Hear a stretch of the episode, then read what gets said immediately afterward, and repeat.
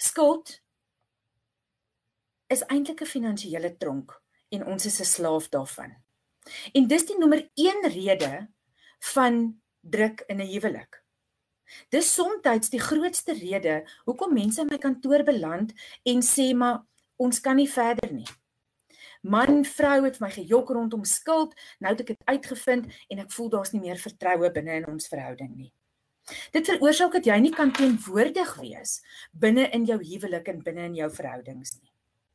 Wanneer jy jou salaris kry, beteken dit jy moet nou eers jou verkeerde besluite finansier voor jy kan leef.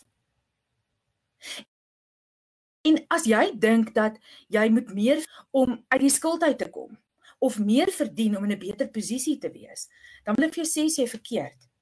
Want eintlik moet jy net jou swak gewoontes moet jy aanspreek. Nou hoekom spandeer ons so baie geld en hoekom raak ons in die skuld? Die probleem is is omdat ons nie kan identifiseer tussen goeie en slegte skuld nie. Ons gaan so 'n bietjie later daaroor gesels. Dis die een ding. En dan die samelewing help ons ook nie eintlik nie. As jy gaan kyk, dink bietjie daaroor. As jy by by 'n McDonald's inry byvoorbeeld en hulle kom en hulle vra hier order please of wat hulle ook al sê, vra hulle vir jou, wil jy 'n 'n smallie of vra hulle onmiddellik medium of large? Small is nie eintlik deel van hulle van hulle ehm um, uh, uh vraag nie. Dieselfde met banke. Banke deel graag kredietkaarte uit. En meer as een. Ek sê altyd die mense wat werklik waar kredietkaarte kan bekostig, kry nooit. Die wat dit nie kan bekostig nie, is die bank bereid om 'n paar voor te gee. Vir watter rede weet geen mens nie. So die banke help ons nie. In ons samelewing is ongelukkig van daai aard dat as ek 'n goue kaart het en my my vriend het 'n het 'n platinum of 'n of 'n of 'n swart kaart, wil ek graag ook daai een hê. Ten spyte van die feit wat dit my kos en wat die nagevolge van daai kaart is. Dit is ongelukkig hoe ons samelewing is. En al hierdie goed veroorsaak dat ons in die skuld beland. 'n Skuldgevoel as jy dalk 'n ma of 'n pa is vanaand wat um, wat geskei is en jy het kinders.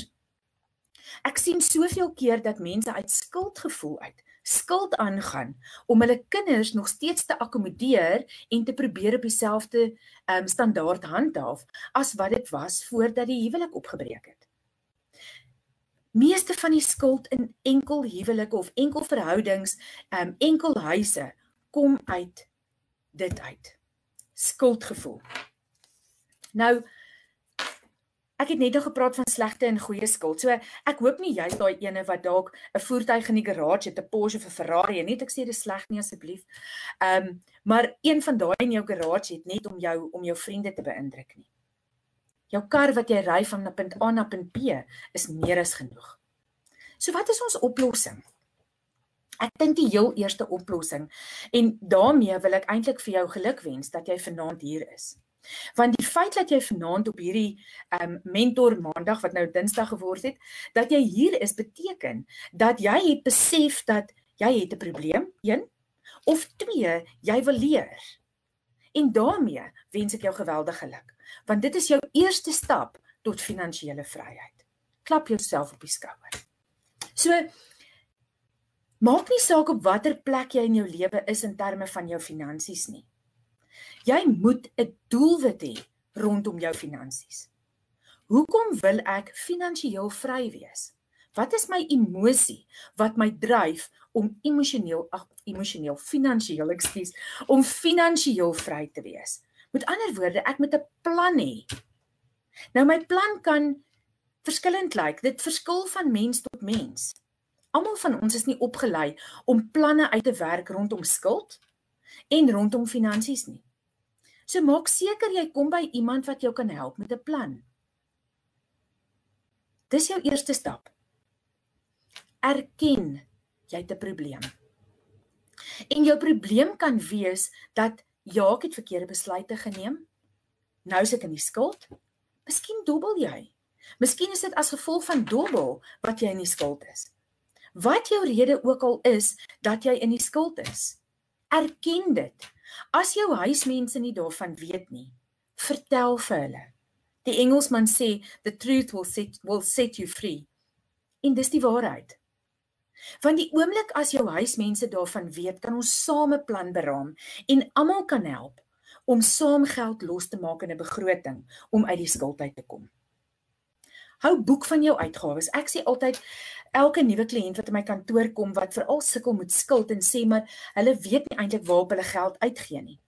Ek stuur hom weg met 'n notaboekie en sê maar en dit klink soos 'n simpel oefening gaan huis toe en gaan vir 'n week lank en skryf elke uitgawe neer.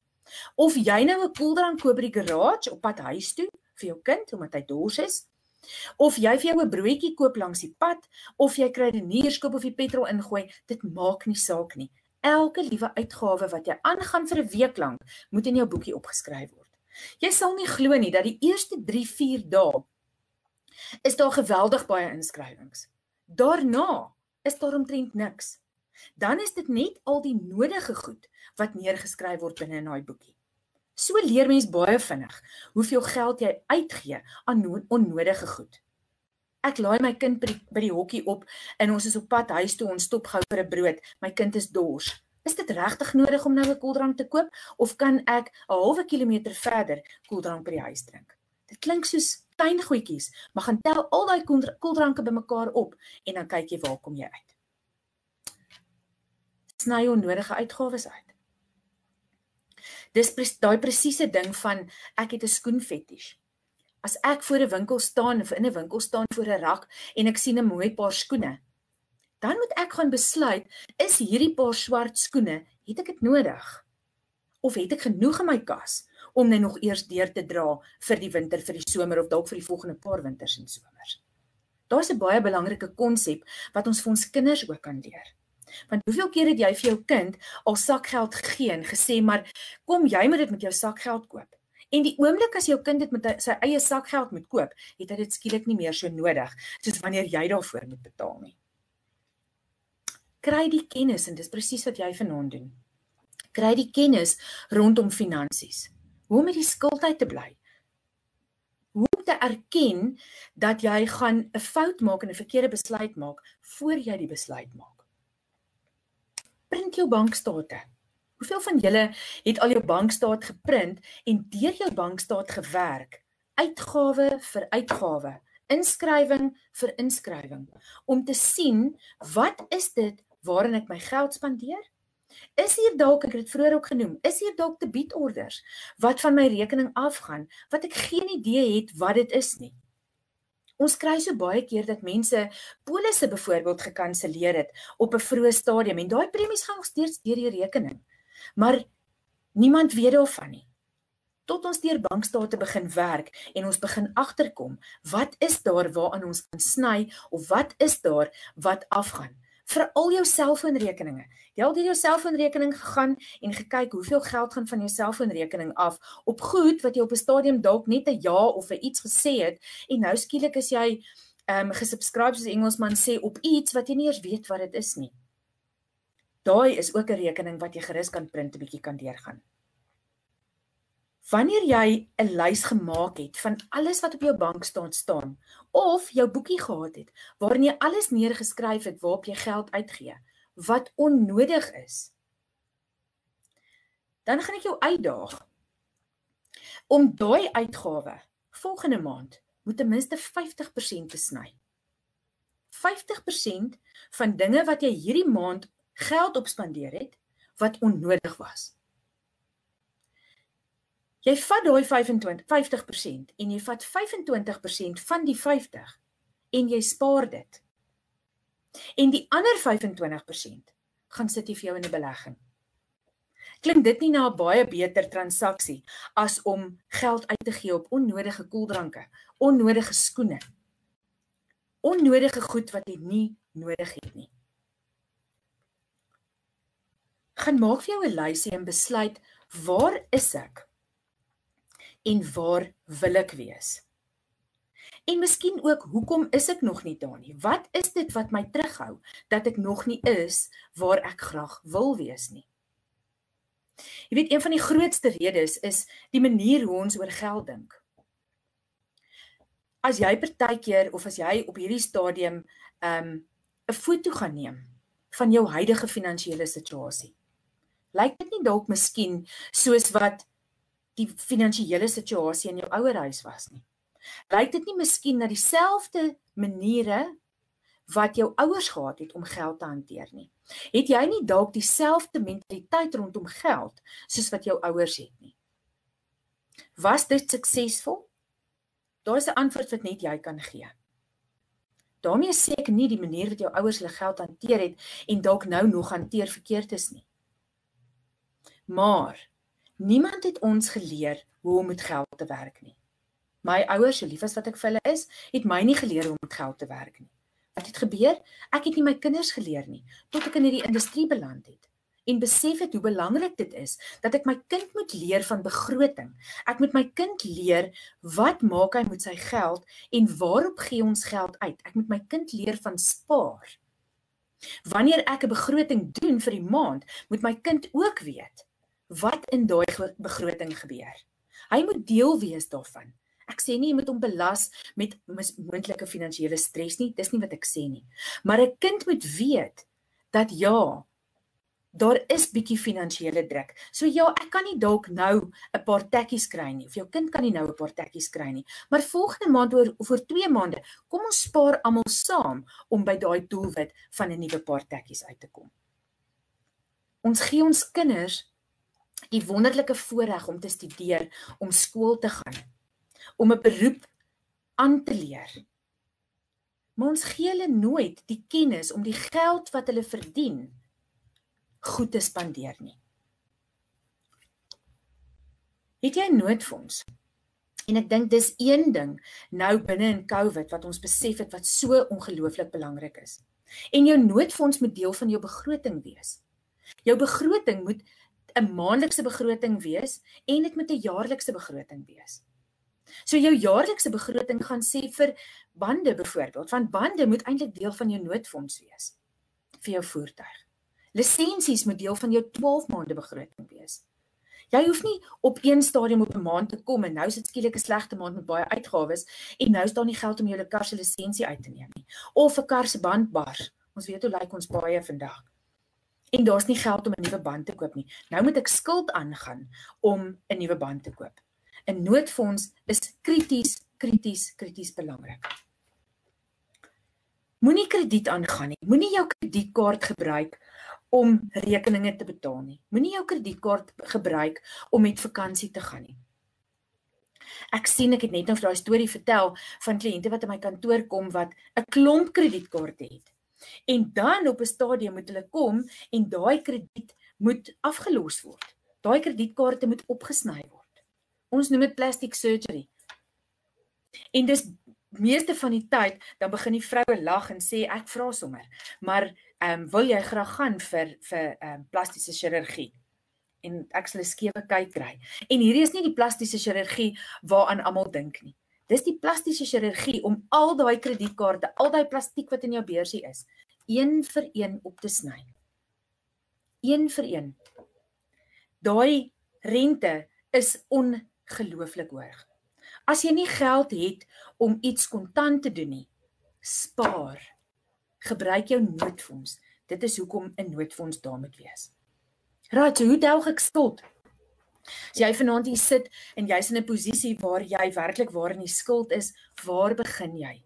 Stukkie vir stukkie. Hoe het hulle gesê hoe eet jy 'n olifant? Stukkie vir stukkie. Maar met 'n plan, met 'n skulddelgingsplan. Nou ek dink jou eerste stap is om te weet dat elke maand as jy jou salaris kry, betaal jy jouself eerste. 10% van jou salaris moet jy jouself betaal. Nog 10% moet jy spaar.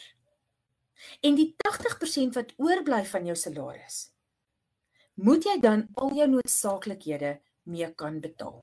Jou water en ligte, jou huur, jou verband, jou kar, Dit moet alles binne daai 80% val.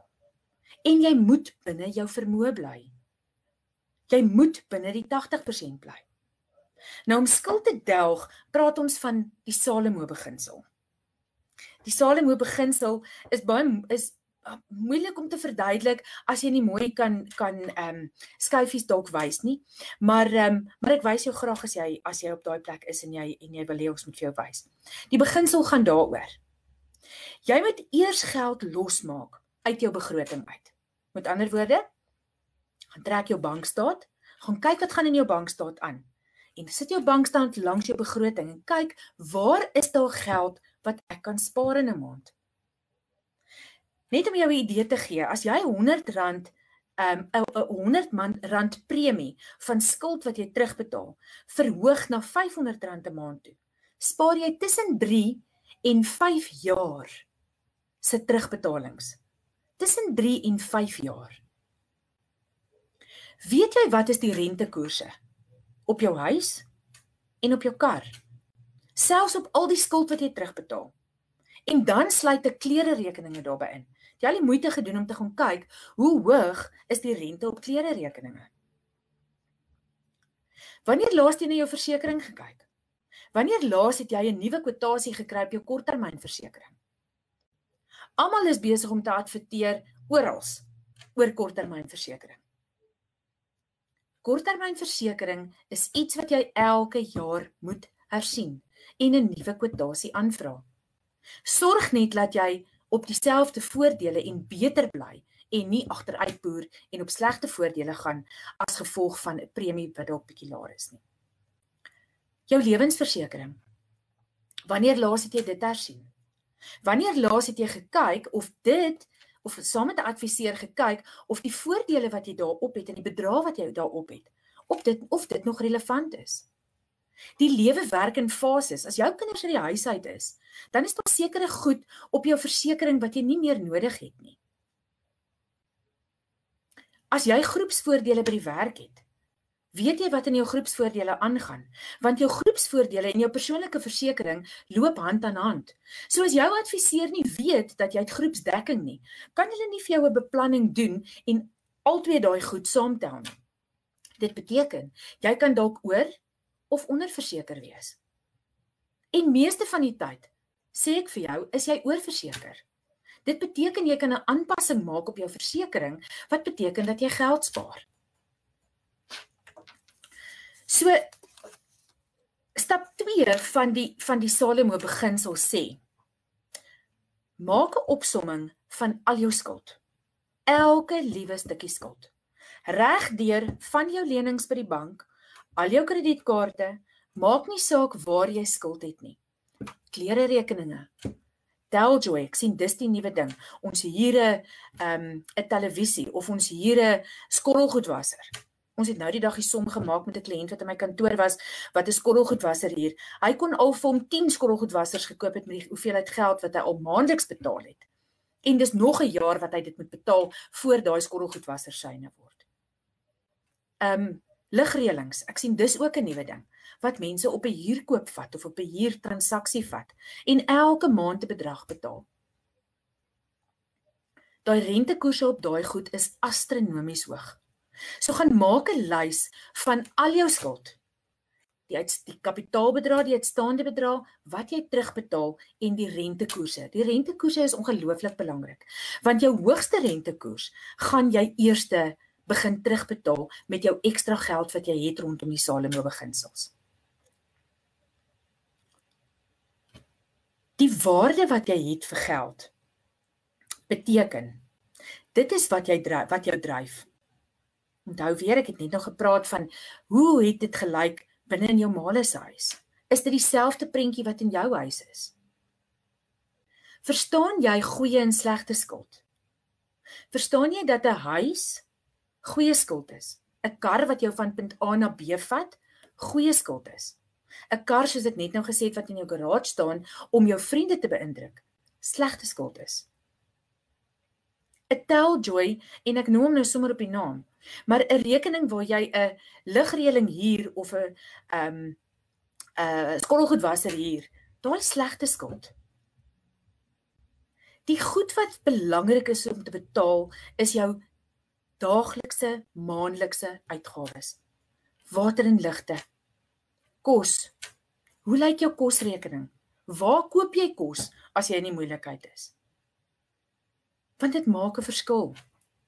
Ek het kliënte in my kantoor en of in my praktyk en in partykeer dan slaan ek my hande saam. Die mense met die minste geld wat maandeliks die minste minste minste geld verdien. Dit is die mense wat as hulle kinders uit die skool uit gaan of uit universiteit uit gaan wat dan kontant gespaar het en vir hulle kinders 'n kontant bedrag gee om 'n karretjie te koop of om te gaan trou of waarvoor die kinders die geld ook al wil gebruik. Die mense in my praktyk en ek veralgemeen nou, maar wat die meeste geld in my praktyk verdien. Somstyds sit met die situasie waar hulle nie kontant vloei het nie. Geensins nie. Hulle moet skuld aangaan om hierdie selfde tipe oefening te doen. Dis wat my altyd stom slaan van skuld.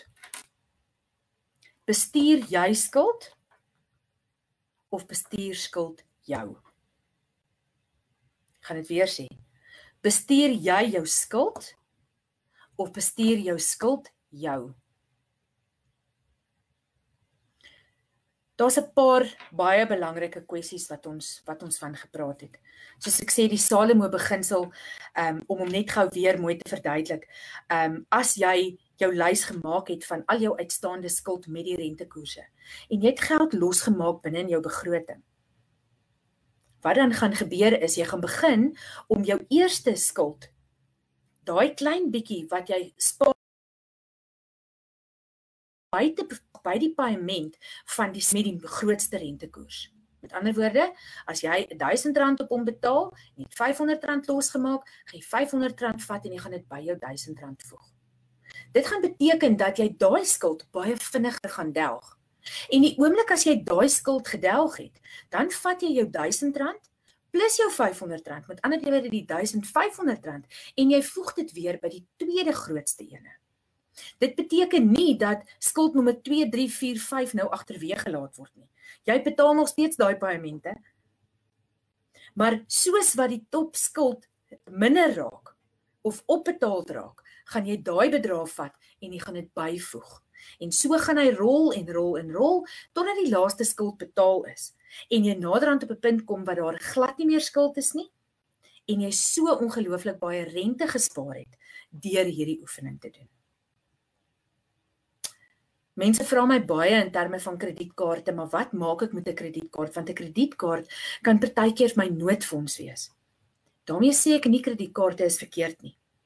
As jy een het en hy lê in jou kluis en jy gebruik hom vir noodgevalle en jy betaal hom elke maand vol weer vir dit wat jy op hom uitgegee het. Met ander woorde, jy maak hom nie vol en jy betaal net elke maand die minimum bedrag nie. Daai gaan nie werk nie. Want jy gaan lewenslank gaan jy afbetaal aan daai skuld. So as jy vanaand hier sit en jy het 5, 6 kredietkaarte of dalk minder, meer as een, dan beteken dit jy het te veel. Jy het te veel skuld. Die kredietkaarte moet so gou as moontlik afgelos word. Opgesny word. Een in die kluis. Ek dink wat ek ook baie sien, ons het gepraat van versekerings. Hoeveel keer kry ek wat kliënte sterf dan is daar nooit voorsiening gemaak vir skuld nie. Kliënte is nie altyd eerlik oor hulle skuld nie. Dit is hoekom ek in die begin gesê het, kom vry. Vertel van al jou skuld. Vertel van die verkeerde besluite wat jy gemaak het. Ons almal maak verkeerde besluite op 'n stadium. Praat daaroor sodat ons kan help. Maar as ons nie van die skuld weet nie, beteken dit dat jou geliefde gaan dalk agterbly met 'n klomp skuld. Jy dink jy los vir hom en haar 'n paar rand en vir die kinders 'n paar rand om te kan aanbeweeg. Maar uiteindelik gaan al daai geld net so in skuld in. Geld en die manier wat jy geld hanteer is 'n emosie. Jy moet seker maak dat die emosie rondom skuld en agterskuld dat dit die regte emosie is. Want daai emosie is wat jou dryf. Dis wat jou dryf tot finansiële onafhanklikheid. En finansiële onafhanklikheid is wanneer jy genoeg bates het om jou lewenstyl te finansier. Ek sê altyd jy maak geld terwyl jy slaap. In COVID het ons gesien hoeveel mense het ekstra inkomste strome vir hulself bewerkstellig. Baie. Mense was so kreatief. Miskien moet jy ook daai kreatiwiteit bietjie laat hardloop. Maak plan. Come clean. En maak 'n plan. Jy's klaar hier. Maak 'n plan om uit die skuld uit te kom. Maak 'n plan dat jy nie met al daai slegte slegte druk op jou skouers sit nie. Ek kry mense wat sê maar ehm um, ek sien so uit na die volgende seisoen van my lewe. Daar waar ek sonder skuld is. Daar waar ek 'n beter werk het en meer geld verdien. En ek gaan afsluit om vir jou te sê dat moenie in hierdie seisoen van jou sit en so sit en wag vir die volgende seisoen. Dat jy hierdie seisoen waarin jy is totaal en al mis nie. Dat jy die geleenthede wat vir jou wag in hierdie seisoen totaal en al mis. Daar's altyd 'n uitweg. Moenie moed opgee nie. Daar's altyd 'n uitweg. Solank ons nooit uit planne uitraak nie.